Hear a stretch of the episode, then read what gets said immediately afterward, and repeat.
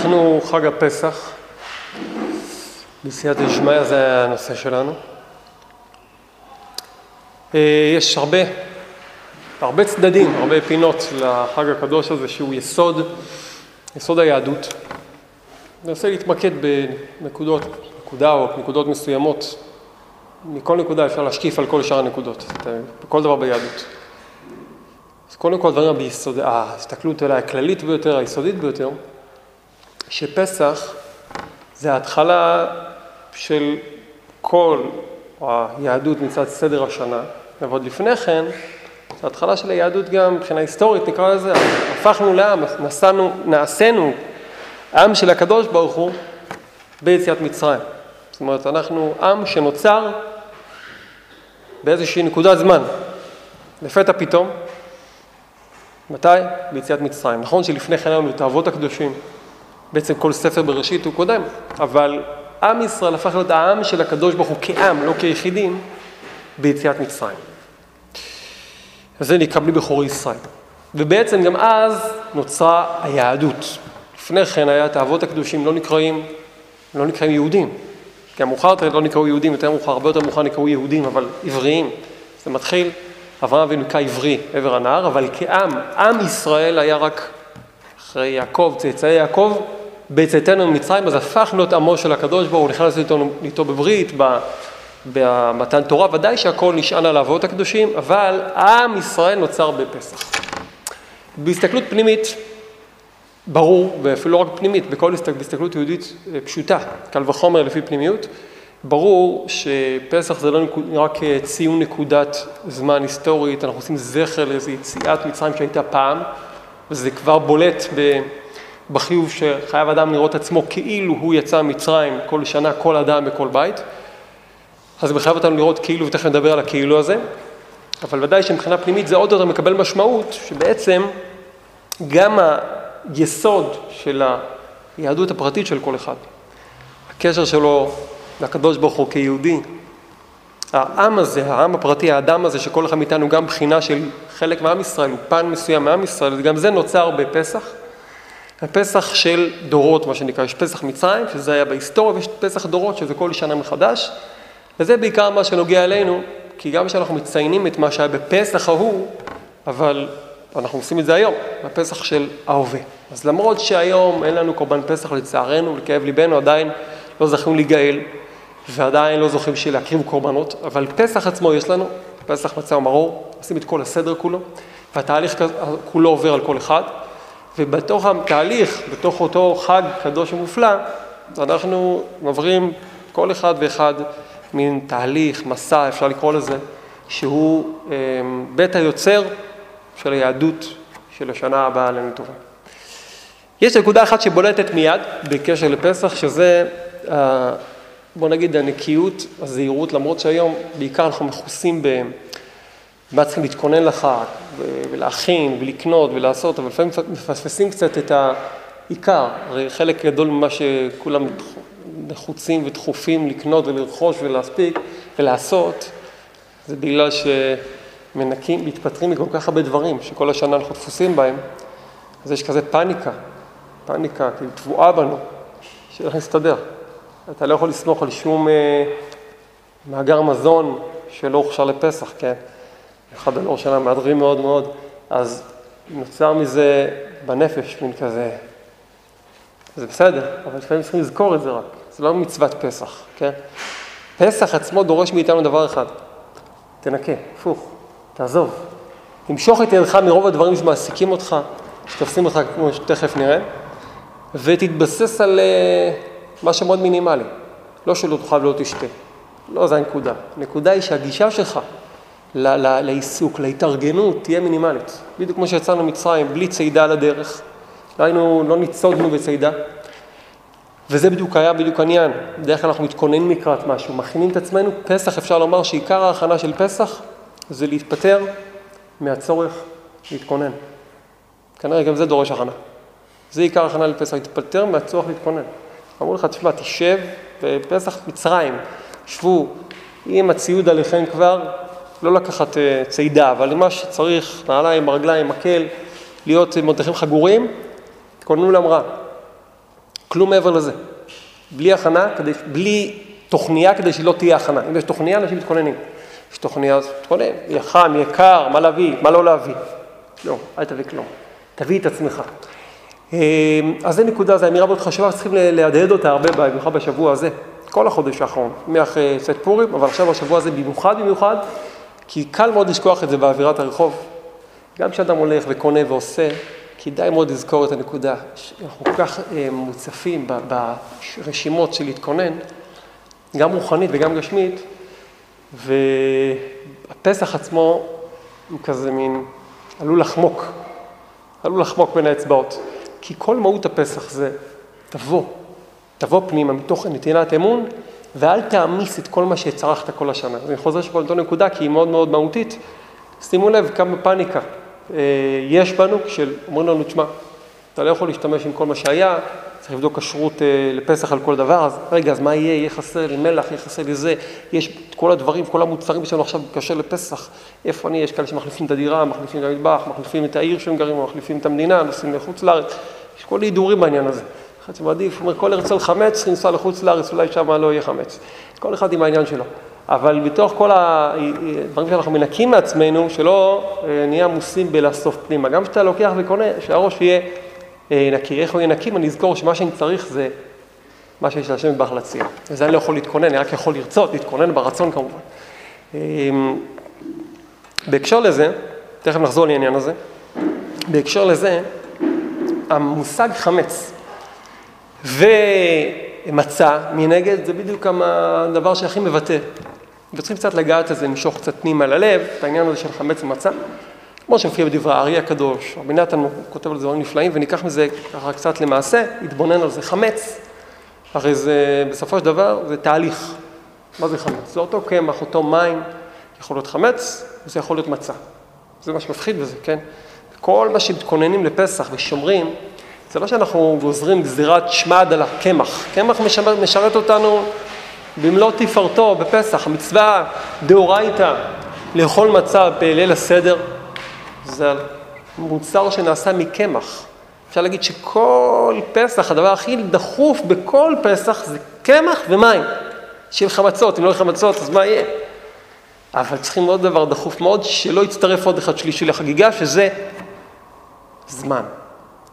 זמן זה דבר אה, הכרחי, כן, אבל שהזמן לא יצליח להתאחב בין הקמח לבין המים. כי ברגע שהזמן מצטרף לקמח והמים לפני שהם מגיעים למוצר המוגמר, התוצאה היא תוך חי מינוטים, 18 דקות, אה, חמץ, הפך המצה, חמץ, חמץ.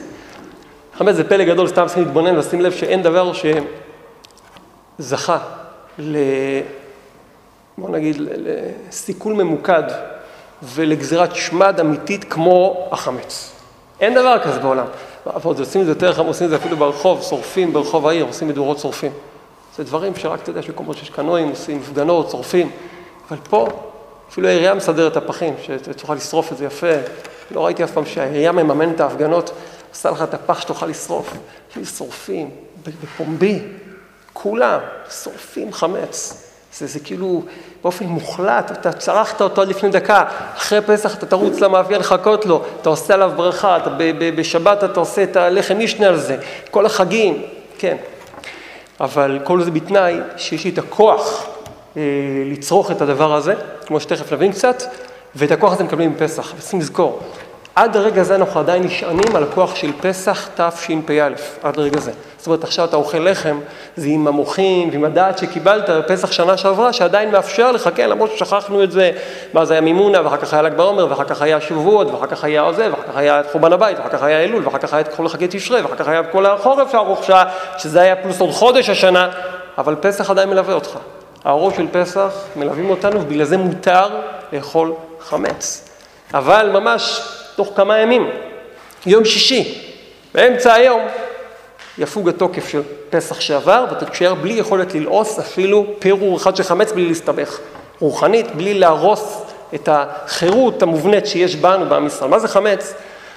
אז החמץ, אמרנו, זה להחמיץ, ורבי נתן מדבר על המושג הזה של חמץ, אה, במובן כמובן של מוחין, כי החמץ, גם הלחם וגם המצה זה מייצג מוח, מוחין, מחשבה.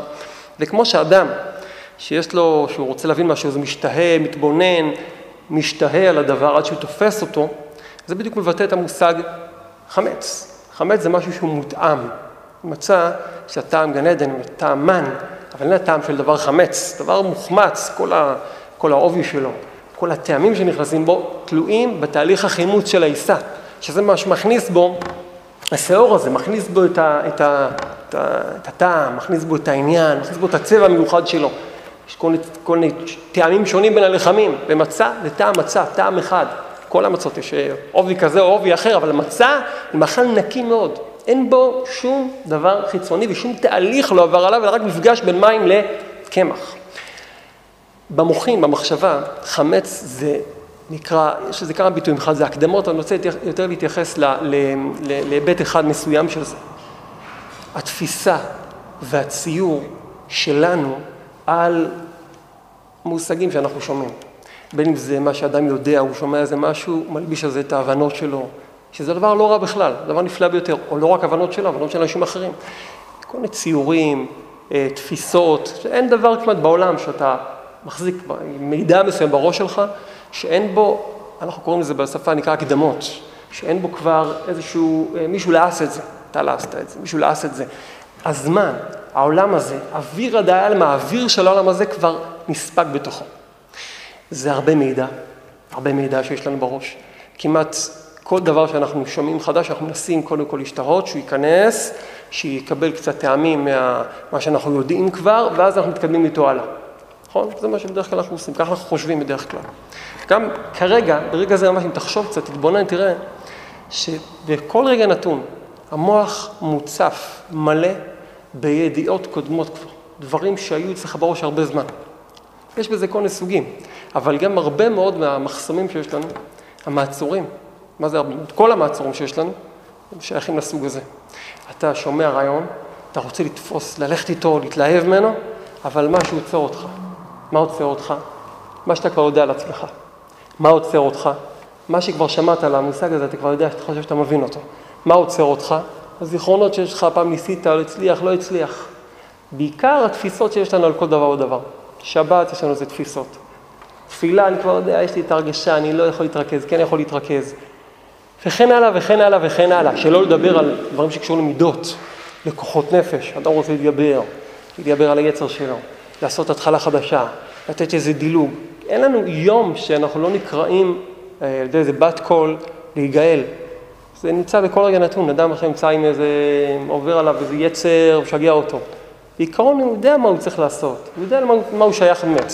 או אדם סתם נופל לעצבות, או לקטנות, או לכזה מין, אתה יודע שאתה יכול לחשוב מחשבות אחרות עכשיו. אה, לא? זה ההקדמות האלה כבר, שאתה זוכר כבר, אתה יודע מי אתה, אתה יודע שאתה לא מסוגל, אתה יודע שצריך ככה וככה, והנה פה נגענו במשהו נוסף. הצריך, צריך, צריך, צריך, צריך, צריך, צריך, זה המחסום, אבי אבות המחסומים. יודעים על מה מדובר? אין מי שלא יודע נראה לי, אה? נתחיל לדברים פשוטים שצריך זה נקרא, צריך שיהיה בבית ככה, צריך שיהיה צבע כזה, צריך שיהיה אוטו כזה, צריך שיהיה אה, הכנסה בגובה כזה, צריך שיהיה לחברותה, צריך שלא יהיה לחברותה, צריך שיהיה, אה, מה עוד, נו? זה רשימה עוד לא התחילה אפילו. יש רשימה של צריך כאורך הגלות. תגיד שלא צריך, עכשיו צריך מישהו שיתווכח איתך זה שאתה אומר שלא צריך, ואז אתה אומר לי ככה, צריך פה. מה, ודאי שצריך, מה, אתה רוצה להגיד שלא יהיה? לא, לא שלא צריך. השאלה, האם הרשימה הזאת של שצריך, היא נותנת לך חירות, היא מאפשרת לך את הקיום, או שהיא זאת שמונעת וגורעת מהקיום שלך בעולם. מי שיתבונן יראה.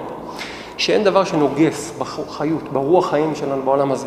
אין דבר שאוכל וגונב לנו נתחים שלמים, שבתות, ימים טובים, תכף נדבר גם על הצד הרוחני. גם בגשמיות.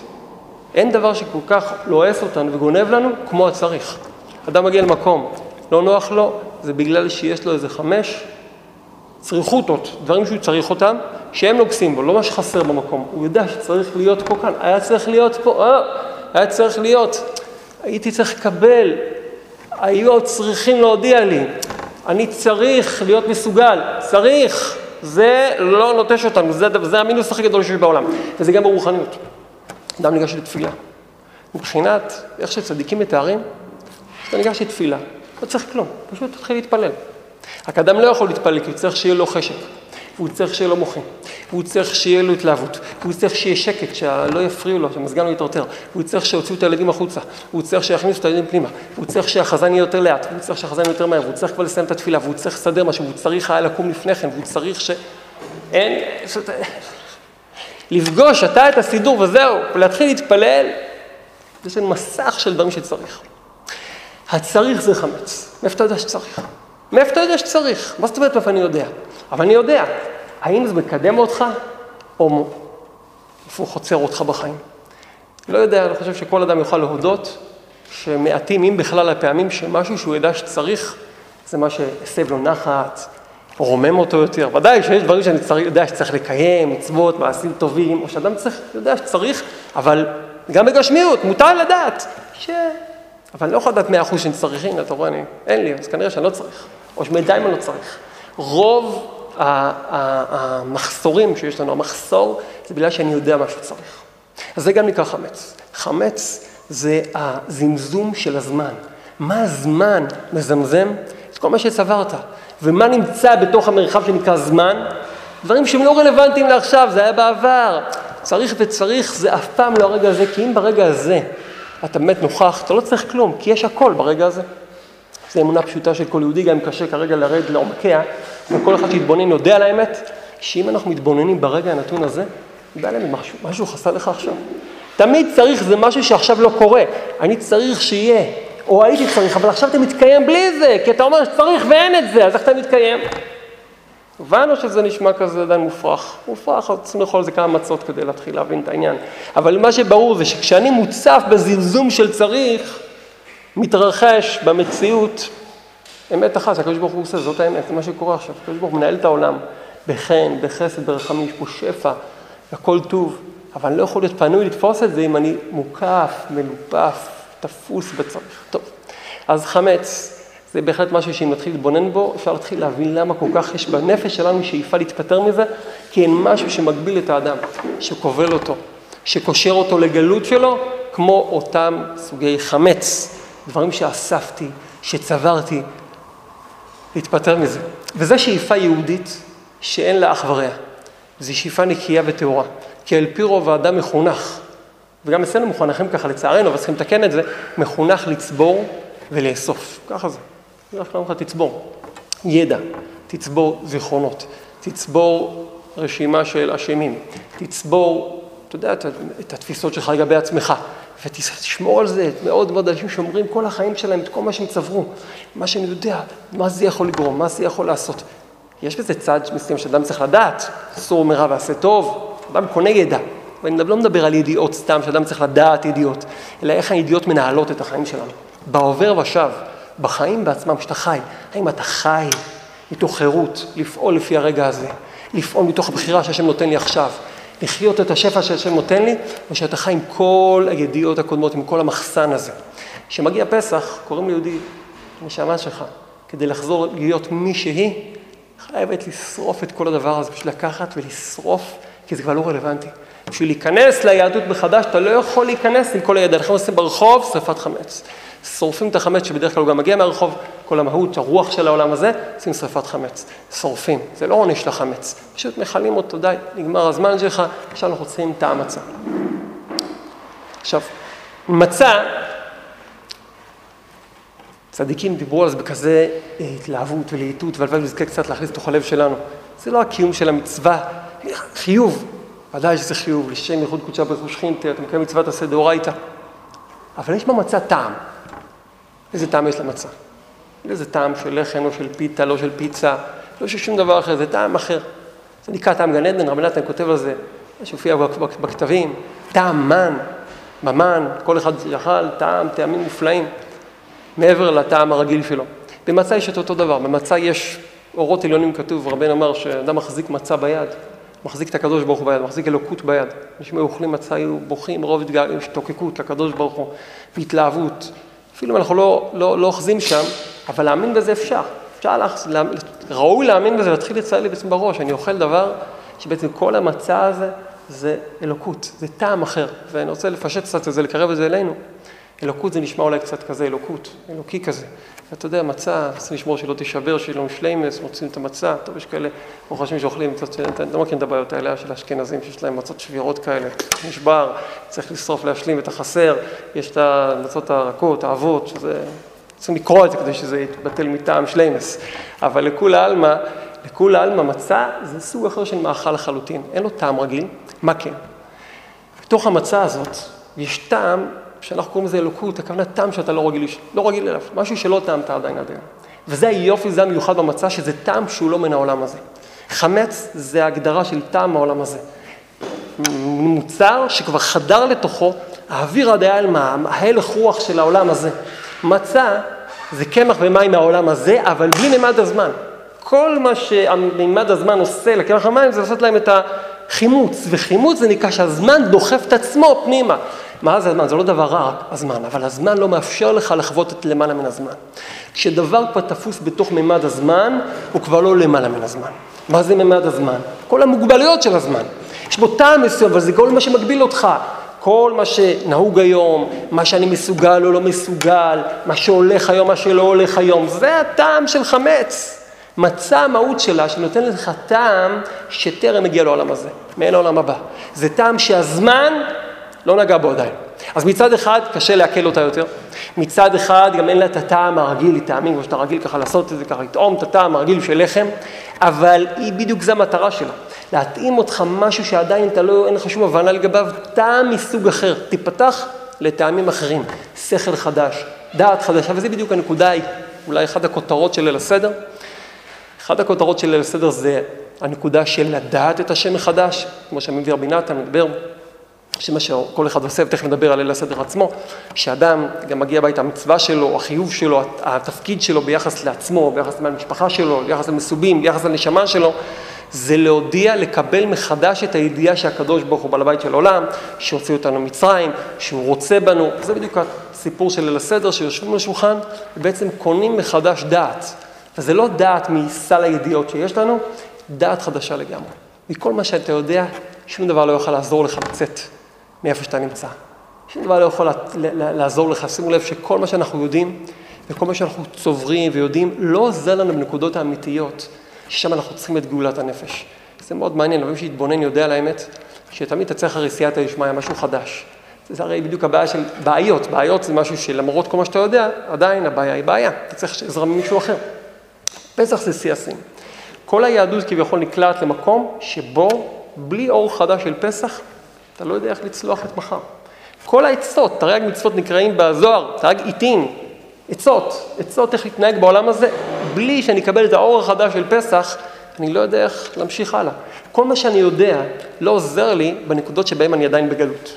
איפה שאני תקוע עדיין, איפה שהנפש שלי כלואה עדיין, איפה שעדיין לא יצאתי מהמצרים הפרטי או הכללי, שם אני צריך דעת חדשה, והדעת החדשה, כל מהות פסח, כל מהות הארבע כוסות והמצות וכל מה שאנחנו אוכלים וכל מה שאנחנו עושים בליל הסדר, זה הכל להכניס לתוך המוח, לתוך הלב, לתוך הגוף, את אותן ידיעות עליונות, שבפסח עצמו עדיין אנחנו לא מעכלים את זה, לוקח זמן ספירת העומר עד שמעכלים את זה, אבל זה נכנס לנו בפסח. פה נדלג ישר לנקודה ככה יותר כללית לדבר על עצם העבודה בליל הסדר, אני אומר בתפיסה כללית מאוד, לא נוכל לעבור על כל החלקים של הסדר, אבל משהו שייתן לנו בעזרת השם קשר, מרצון, לעבודה שלנו, כי כל אחד הולך לקראת פסח עם רצונות מסוימים, ידיעות מסוימות, עם דברים שהוא יודע שצריכים לקרות, להתרחש. יש לו תפקיד להיות אה, אבא לילדים ולהיות אה, בעל ולהיות אה, בעלים לעצמו ולהיות קורא את ההגדה ולהיות אוכל ולהיות מחלק אגוזים וקליות וכנהוג. בתוך כל זה, איפה אני שם את עצמי. אז יש דיבור נפלא מאוד, קודם כל, לפני הכל, של רבי פנחס קוריצון, קוריץ. יש לו דיבורים בכלל מופלאים תמיד כאלה, שפותחים את העיניים, משפטים כאלה, שצדיקים אומרים, ופותחים את העיניים ככה להתבונן אחרת על המציאות, אז הוא אומר שמה שבדרך כלל לפני פסח, עסוקים מאוד, ומתרוצצים, וטרודים מאוד, אומר, זה טוב מאוד, זה נפלא. מרוב טרדות של החג, אתה מאבד את הראש, לא במובן שלילי, סתם, אתה יודע, אתה לא מחזיק ראש כל כך כבר, מאבד את הצורה. אה? אתה מכיר את ההרגשה? אתה מחיקה פה סחב ארגזים, סחב ביצים, סחב קמחות, סחב, אה? גרר, משך, סכך, אה, סכך זה אין בזה סוכות, נכון, ברוך השם, רק סכך לא צריך להביא. קנה, סייד, הוא הפך להיות צבא, זגג, מוכר, ירקן, שף, מה? מנקה, שכחנו את המנקה, זה העיקר, משפץ, מנקה, מחליף דודים, הכל. לפעמים מועצת תגיד באמצע כל הדבר, להגיד, איפה אני בתוך כל הסיפור? תגיד, איפה אני, איפה ראש, אני רואה, הוא בא ליד כל מיני דוכנים של ספרים, של חנויות ספרים, הוא ראה אגדות, הררים של אגדות, אומר, לו אני אזכה לעבור על אגדה אחת אפילו, לדעת משהו. כלום. אולי קצת עבר, אבל שכח גם כן את זה. אומר רב פנחס קוריצר, לא זה נפלא מאוד, זה נקרא עיבוד צורה. כשאתה מאבד צורה, תוכל לקבל צורה חדשה בפסח. כל פסח זה לתת לך צורה חדשה, אתה רוצה לעבוד בצורה הישנה שלך. אז אתה, מטרטרים אותך, מריצים אותך, אתה תאבד את הראש גם עכשיו יופי מצוין, הגעת לפסח, אין לך צורה, אפשר לתת לך צורה חדשה. אבל כשאדם מגיע ליל הסדר עם הצורה שלו, אין לזה צורה.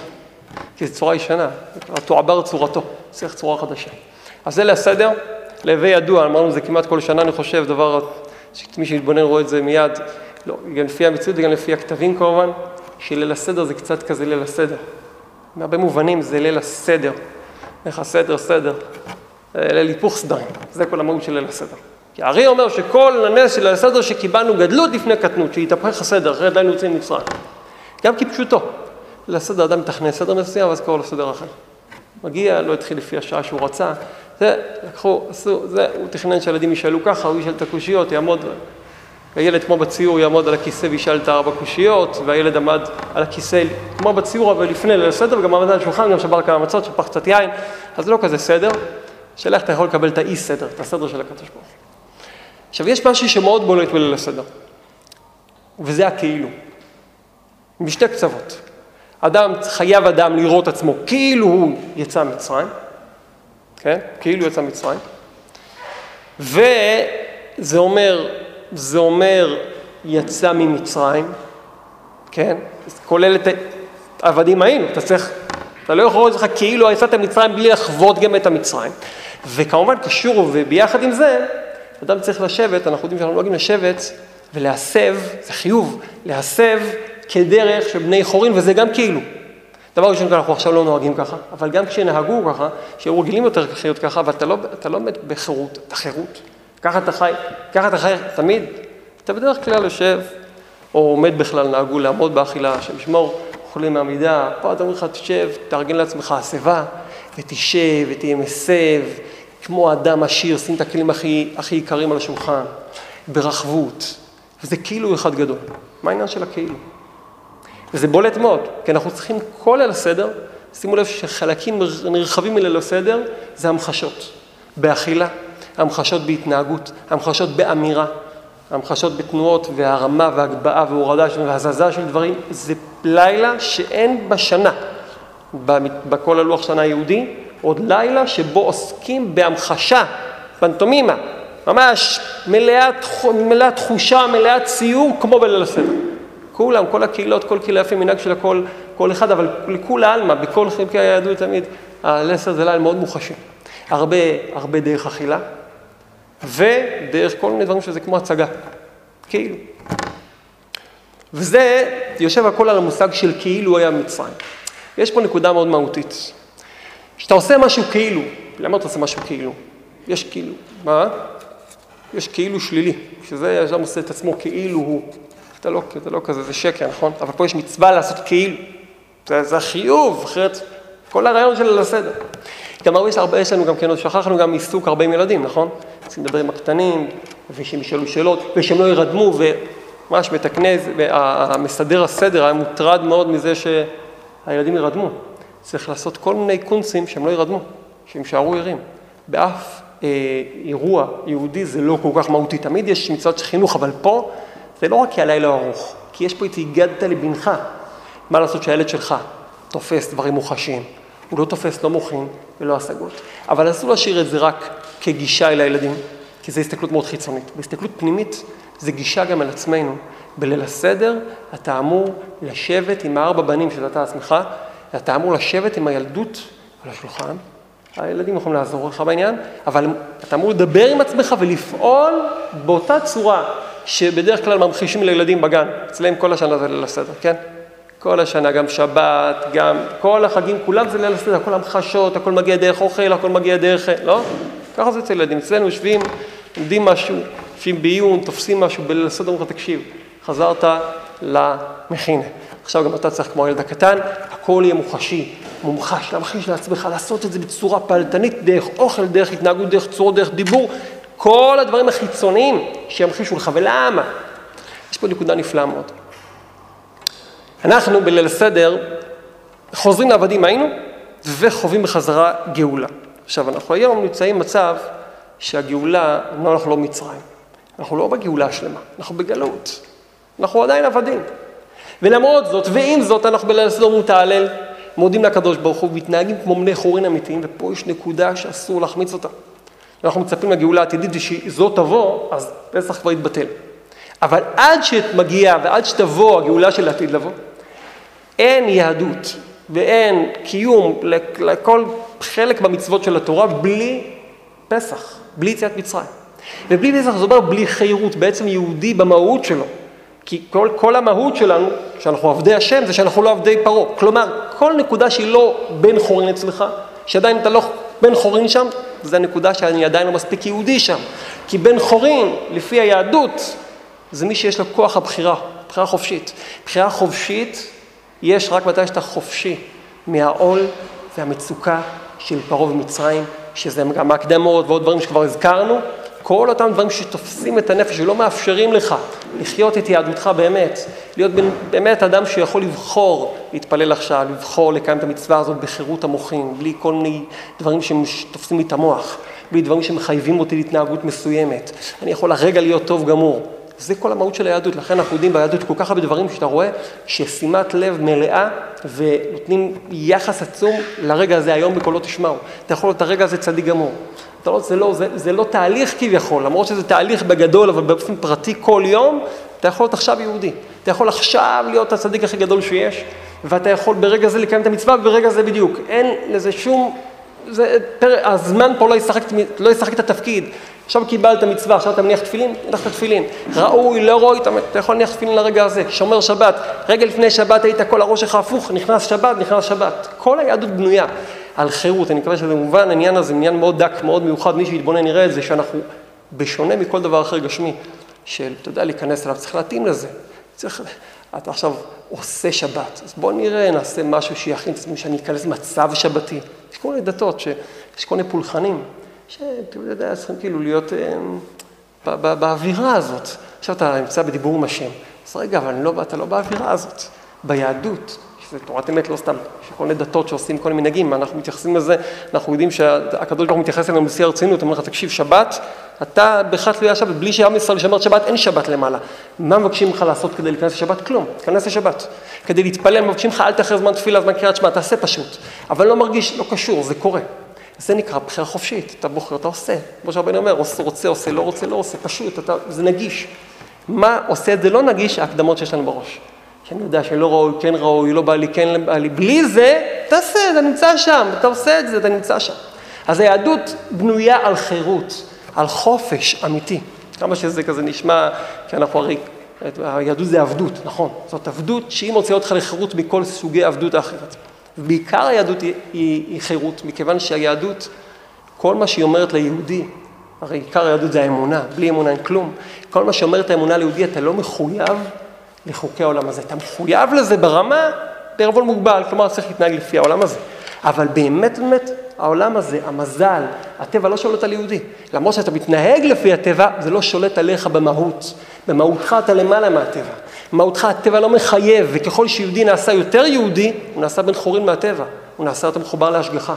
אבל זה בדיוק הנקודה שאנחנו מאבדים במשך השנה, שצוללים בחזרה לקבילות, לתוך כל סוגי הגלות, גלות הנפש בעיקר, מאבדים את הקשר לאל-טבעי, לבן חורין האמיתי. כל כך אנחנו מוצפים במחויבות של העולם הזה, ששוכחים את הפתיל שעליו כל היהדות יושבת, שזה החירות, החירות להאמין. היום אנשים מתארים, אנשים בחוץ מתארים את האמונה כמשהו שכובל את האדם.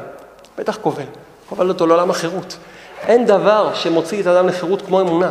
תראו, אנשים שאין להם אמונה רואים את זה בחוש. הם רק אומרים שהם לא דתיים. אבל הם דתיים בכמה דתות, הם חברים בכמה כתות וכמה דתות. ואין כאן המקום להעריך עד כמה זה מדהים לראות שאת האדם הזה שקורא לעצמו חופשי, פעם הכל לכם חופשיים, שמתי שקורה איזה חולי בבית, ילד חולה, טוב, יש שם דאגיינים פחות או יותר, אבל תסתכלו טוב, תראו שיש כזה מין יחס של דת. ילד חולה עכשיו. אצל יהודי, גם מקרה שיש צער שחלילה חולי שלא אף אחד לא ידע חולי, אז הוא מיד בורח מהטבע, רץ לאמונתו, אומר, מה אני אעשה? עכשיו רק תפילה, איזה, אצל השם הכל אפשרי. אבל אם אין אמונה, אז מה הרופאים אומרים? איי, מה הרופאים אומרים? הרופאים אומרים שיש לו דבר גם בכסף. שיהודי, אין לו כסף. לפעמים דווקא זה פתאום בורח לאמונה, אותו אין כסף, אז השם יעזור. או שהוא מצפה למשיח שיגאל אותו מהצרות, או שהוא מצפה שהשם יעזור לו, אבל באותו רגע שהוא מאמין, הוא יוצא החוצה. האמונה שלו מוציאה אותו החוצה מהפחד.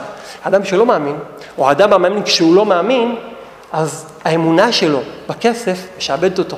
האמונה שלו בבנק משעבדת אותו. אומר, אבל אפשר ככה לחיות, אבל איך נחיה? תגיד איך לגמור את החודש. זה אמונה, אגב, זה דת. כן, זה דת. כי אתה לא רואה, אתה חי עכשיו, זה דת, זה לגמרי דת. אתה צריך לעשות מה שצריך. אבל האמונה והחרדה, זה טקס דתי לכל דבר, ובדרך כלל אנשים חברים בכמה דתות, בו, בו זמנית. כמה דתות לחומרה. הדבר היחיד שיכול להוציא אותך מהדת, מהדתות האלו, זה הדת האמיתית, האמונה, דת של הקדוש ברוך הוא, שאתה מחויב להשם, ואתה אומר, זה הדבר היחיד שיכול לעשות בן חורין מהעולם הזה, בן חורין מהבלאי של העולם הזה, זה האמונה. עכשיו, בפסח אנחנו שואפים לחירות, ואנחנו בעצם כל שנה מחדש, באמת, בפועל ממש, לא כאילו, כי תכף נגיע לכאילו, יוצאים לחירות מהעבדות. אבל איך? אני עדיין לא רואה שום שינוי. שום שינוי אני לא רואה. אתה לא אמור לראות שום שינוי. אתה אמור להראות שינוי. וזו הנקודה שאני רוצה לשים עליה דגש.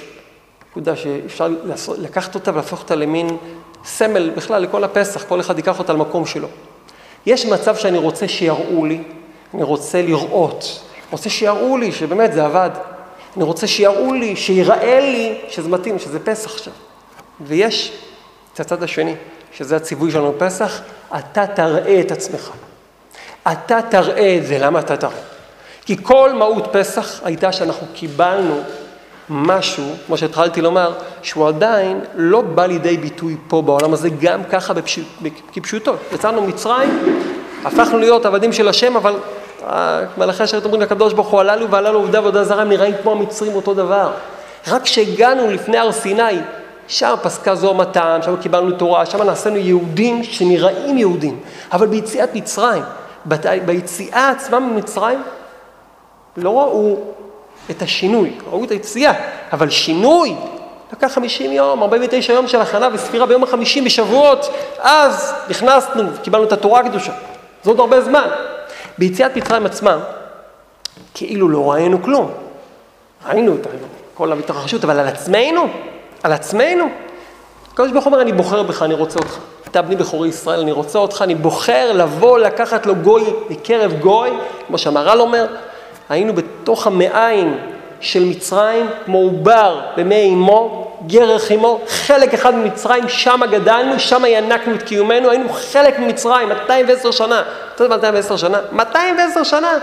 מהגרים בארצות הברית שגרים 210 שנה שם נקראים עדיין על שם המקום שמשם הם הגיעו, מה פתאום? הם כבר אמריקאים לכל דבר לחלוטין לחלוטין, עם ישראל 210 שנה נמצא בשעבוד, מעוך לגמרי שם. זאת אומרת, עם ישראל במצרים, שיצא ממצרים, הקדוש ברוך הוא ידע מה הוא לוקח לו שם החוצה, הוא מוציא החוצה, אבל הנראות עצמה. אבל יצאנו מצרים. היום, ביציאת מצרים, כמו שהרי הקדוש אומר, אתה מקבל אומנם מוחין עצומים, אבל אין לך דרך לחוות את זה עדיין כשכל, להבין את זה, לעכל, את זה. זה אור גדול מאוד. לעכל את זה אי אפשר, לכן צריכים לברוח מהחמץ אוכלים מצה, ועוד כל מיני דברים שכולם מנקים אותו רעיון. וזה נקרא כאילו. מתי אדם עושה כאילו? שאין לו את הדבר, את, את התוכן בעצמו. אז הוא עושה כאילו כמו הדבר שאליו הוא חושק. כאילו. לעשות כאילו אסור בדרך כלל זה שקר. אבל יש מצבים שחייבים לעשות כאילו. מתי צריך לעשות כאילו? בפסח. זה אומר על עוד כמה דברים בחיים של האדם. שאתה יודע באמונה שלמה שהקדוש ברוך הוא משפיע עליך אור גדול מאוד. אבל מה לעשות שבמציאות אתה עדיין לא רואה תרגום שלו, לא רואה הוכחות לאור הזה, לא יכול עדיין לממש אותו. אבל אתה יודע שקיבלת אור גדול, צריך לתת כלי לאור הזה, והכלי זה כאילו, סתם ככה במילה כאילו יש גם כן אותיות כלי. אז הכאילו הזה הוא בעצם כלי לאור. בלי הכף של כאילו, שזה הכלי, אז זה רק אילו. אילו, זה, אתה יודע, אילו היה שם, לא היה נגאל, זה נאמר על הרשע, שהוא מרגיש מנותק. אילו, אילו היה ככה, אילו הייתי מקבל, האילו היחיד שמותר להגיד בליל הסדר זה אילו הוציאה למצרים, כדי להגיד תודה 15 פעמים, כל הדרגות של האילו ודיינו. אבל אם אתה לא יודע להגיד דיינו, אל תגיד אילו. אילו, בדרך כלל זה אילו, אם הייתי זוכה, אילו הייתי, אילו הייתי רואה בעיניים, שהיא תעשה כאילו, תעשה כלי לאילו הזה, ואז זה לא יישאר אילו, זה באמת יהיה המשכה והשפעה. זה בדיוק מהות פסח, כל ליל הסדר. אנחנו כמו ילדים קטנים, כי ילדים קטנים עושים הרבה כאילו בחיים שלהם. תראה ילד קטן, יש ילדים שזה יותר מפותח, שזה פחות, אבל כל הילדים, הם משחקים בכאילו, אה? זה נחשב גנאי אצל מבוגרים, מה אתה משחק בכאילו? זה כאילו, זה כאילו. השאלה כאילו מה? אין אדם שלא משחק כאילו. כולם משחקים כאילו. אדם משחק כאילו הוא מת שמח, משחק כאילו הוא עשיר, כאילו הוא מרשים, כאילו זה משלם מה חושבים עליו. או כאילו לא אכפת לו מה חושבים עליו, הם לא משחקים כאילו. השאלה כאילו מה? האם הכאילו שלך הוא השוואה למה שבאמת ראוי שתהיה? ואז באמת אתה הופך להיות דומה לדבר, למקור, ואז המקור באמת שופע עליך. ידוע שדבר דומה לדבר זה מושך את אותו דבר שהוא מתדמה אליו. בליל הסדר יש לנו מצווה לעשות כאילו. אז אמנם אני עדיין מחובר לכל ההקדמות שלי, אבל אני עושה כאילו, אני מתנתק. מתנתק.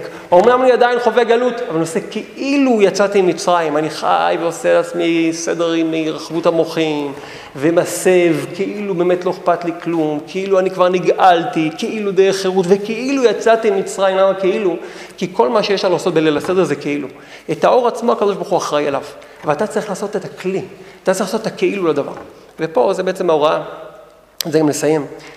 ההוראה מאוד מאוד גדולה למעשה, לסדר כל אחד מאיתנו יש לו עבודה גדולה מאוד. לא רק ביחס לילדים, לאורחים, למשפחה, גם ביחס לעצמו. אתה אמור להנהיג את עצמך בלילה הזה לסיפור של החירות הפרטית. זה כל העבודה של סדר מסוים.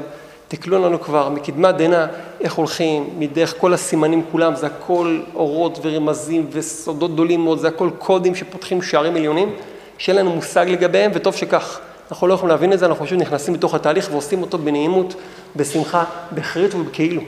אבל הרעיון חשוב פה, זה הכאילו הזה הוא אמיתי מאוד. אני עושה את עצמי כאילו הדבר הכי הכי נוגע אליי. כל השנה שולט בי כאילו אחר. כאילו שאני רחוק, כאילו שאני באמת לא קשור לקדושה, כאילו שבאמת העולם הזה כל כך חשוב וזה כאילו תופס אותנו. אנחנו רק עושים כאילו וזה תופס אותנו. היצר מתחיל עם הכאילויים האלה, והכאילו הזה שעבד אותך. כמו שפרעה עשה כאילו, כאילו שהוא מת גם משתעבד, שם על עצמו לבנה, שם על עצמו כרזה, כאילו, אה, פרח, פרח. בפסח אנחנו עושים כאילו מסוג אחר. כל השנה עבדת עליי, הפלת אותי בכל המלכודות שלך עם הכאילו הזה. את אמרתי לי, כאילו זה לא כלום, אה, רק תתחיל קצת, תנסה, תשתעבד קצת, זה יהיה נחמד, ואתה ראית איך זה נגמר, לא טוב. פסח אנחנו עושים כאילו בשביל להיכנס לתהליך אחר, אנחנו מאמינים לקדוש ברוך הוא, סומכים עליו ועושים כאילו שאנחנו כבר שם. זה הציווי שיש לנו, תעשה כאילו אתה שם. וזה מה שקורה בליל הסדר. יהודי בליל הסדר פשוט הולך ועובר בנפשו, בנפש לביתו תהליך, שכל מהותו זה להחזיר לו את כל חלקי היהדות שהוא צריך, לבנות לו את הדמות היהודית שלו. וזה לא הזמן להתחיל לבדוק האם אני אוחז שם או לא אוחז שם, אין דבר כזה. אתה עכשיו עושה כאילו, ואתה נהיה הצדיק הכי גדול. אתה עכשיו היהודי מכף רגל ועד ראש. אין לך, זה לא קשור למדרגה שלך, לא קשור למי שאתה, כי יצאת ממצרים. כשיצאנו ממצרים, יכלנו לבנות משהו על המדרגה שלנו? יכלנו לבנות משהו? לא סתם אמרו לנו, תקשיב, עבדים היינו לפרעה מצרים, מתחיל בגנות, מסיים בשבח. אם אתה תתחיל בשבח של עצמך, אתה תשאר שם. תגיד, שמע, אני בגדול מתאים למדרגה הזאת, זה מתאים לי, נראה לי שזה אני מסוגל, אתה תעשה לסדר לפי ההשגות שלך, זה לא הגאולה. הגאולה זה שהקדוש ברוך הוא ייקח את הפיקוד, ייקח שליטה ויעשה את מה שהוא יודע. בשביל זה מתחילים בגנות. אם לא שלנו את האמת, אנחנו רק ראשים, אין לנו כלום, אנחנו עבדים היינו. זהו, ככה זה מתחיל. עבדים היינו, עבדים היינו פרעה מצרים, לא נעים להגיד, אבל זאת האמת, עבדים היינו, חזרנו לנקודת ההגינה הזאת. אה, אבל מה, אני מחכה פה, בתוך נקודת השבר של עבדים היינו, שהוא יציל אותי. אין מה לעשות, זה נקרא לחם עוני. לחם שעונים עליו, אה, דברים הרבה. פירוש נוסף, עוני, לישון, לחם של אוכלים אותו עניים, זה הולך ביחד. מי שהוא לא אוכל לחם עוני, לא יודע שהוא עני, אז זה לא יכול להיות על זה הרבה דברים. הוא אומר שלוש וורטים שהוא יודע ונגמר כאן הסיפור. זה אומר, מה, זה וזה וזה. נגמר, זה מה שאני יודע. אבל אחד שיודע שהוא עני, דרכו של עני בפרוסה, הוא חצי, שבור, אין לי כלום, אז הוא יכול לענות בלי סוף דברים. כשאתה בונה על הגאולה של עצמך, זה מוגבל מאוד לקילומטרים שאתה יודע לעשות, למה שאתה מסוגל. אבל כשאתה לא מסוגל, אז מי שפועל דרכך, מי שגול אותך זה הקדוש ברוך הוא, וזה אין איזה גבול, אין איזה סוף, ואז זה קוראים לכל אחד, כל מי שרעב, כל מי שלא מסוגל, שיבוא ויפסח איתנו. מה זה יפסח, מה זה לסם, מה זה, יפסח, זה בעצם לדלג. נדלג איתנו ביחד. אה, גם אתה תקוע, בוא נדלג ביחד. על מה נדלג? על כל מה שאנחנו יודעים על עצמנו. דלג על כל מה שאתה יודע על עצמך. דלג על זה. זה נקרא דרך חירות. רבנו כל כך הרבה לימד אותנו את העניין הזה של חירות, שיש לך אורך רוח. כן, דווקא בליל הסדר שהוא לילה מאוד זריז, קונים אריכות אפיים גדולה מאוד. הסיבה שלנו אריכות אפיים זה בעצם הולך ביחד עם זה שאנחנו מנסים תמיד להיות מסוגלים, ולכן אנחנו גם לא מספיק זריזים. זריזות זה לא הפך ערך אפיים, הפוך, ערך אפיים מאפשר זריזות. כשאדם מנסה להספיק הכל בכוחו שלו, אז הוא נתקע כי הוא רוצה להיות מסוגל, הוא רוצה להספיק לקחת, להתארגן, להצטייד, אבל אם אתה יודע שאתה לא מסוגל מילא לכלום, הקדוש ברוך הוא עוזר, משפיע עליך, יש לך איכות אפיים, אתה לא בלחץ מזה שאתה לא רואה הוכחות בשטח, אתה יכול להיות זריז עצום, אתה יכול להספיק ברגע אחד דברים עצומים. כמה שתוקע אותנו שאנחנו יודעים שזה צריך לקחת זמן, זה לוקח זמן, איך אני אספיק את זה, איך אני אשלים את זה, איך אני אגיע לשם, זה מייאש כל כך. כשיצאנו ממצרים היינו בלי ציוד בכלל. והקדוש ברוך הוא לקח אותנו ברגע אחד והביא אותנו להר המוריה, עשו שם את ה... כמו שאומר תרגום נתן, את הקורבן פסח הראשון, אחר כך החזיר אותנו, הלכנו ברגל, אבל אם לא היינו עושים שאלות בדרך, היינו מגיעים לארץ ישראל מיד. כל הטאקלים בדרך היו שאלות וקושיות. אומר רבי נתן, ליל הסדר אין קושיות. לפחות היציאה הראשונה, אחר כך כבר גם, גם חוזרים, לפחות כבר עשינו את היציאה ממצרים, היציאה הראשונה שתהיה בלי שאלות, בלי מה שאתה יודע על עצמך.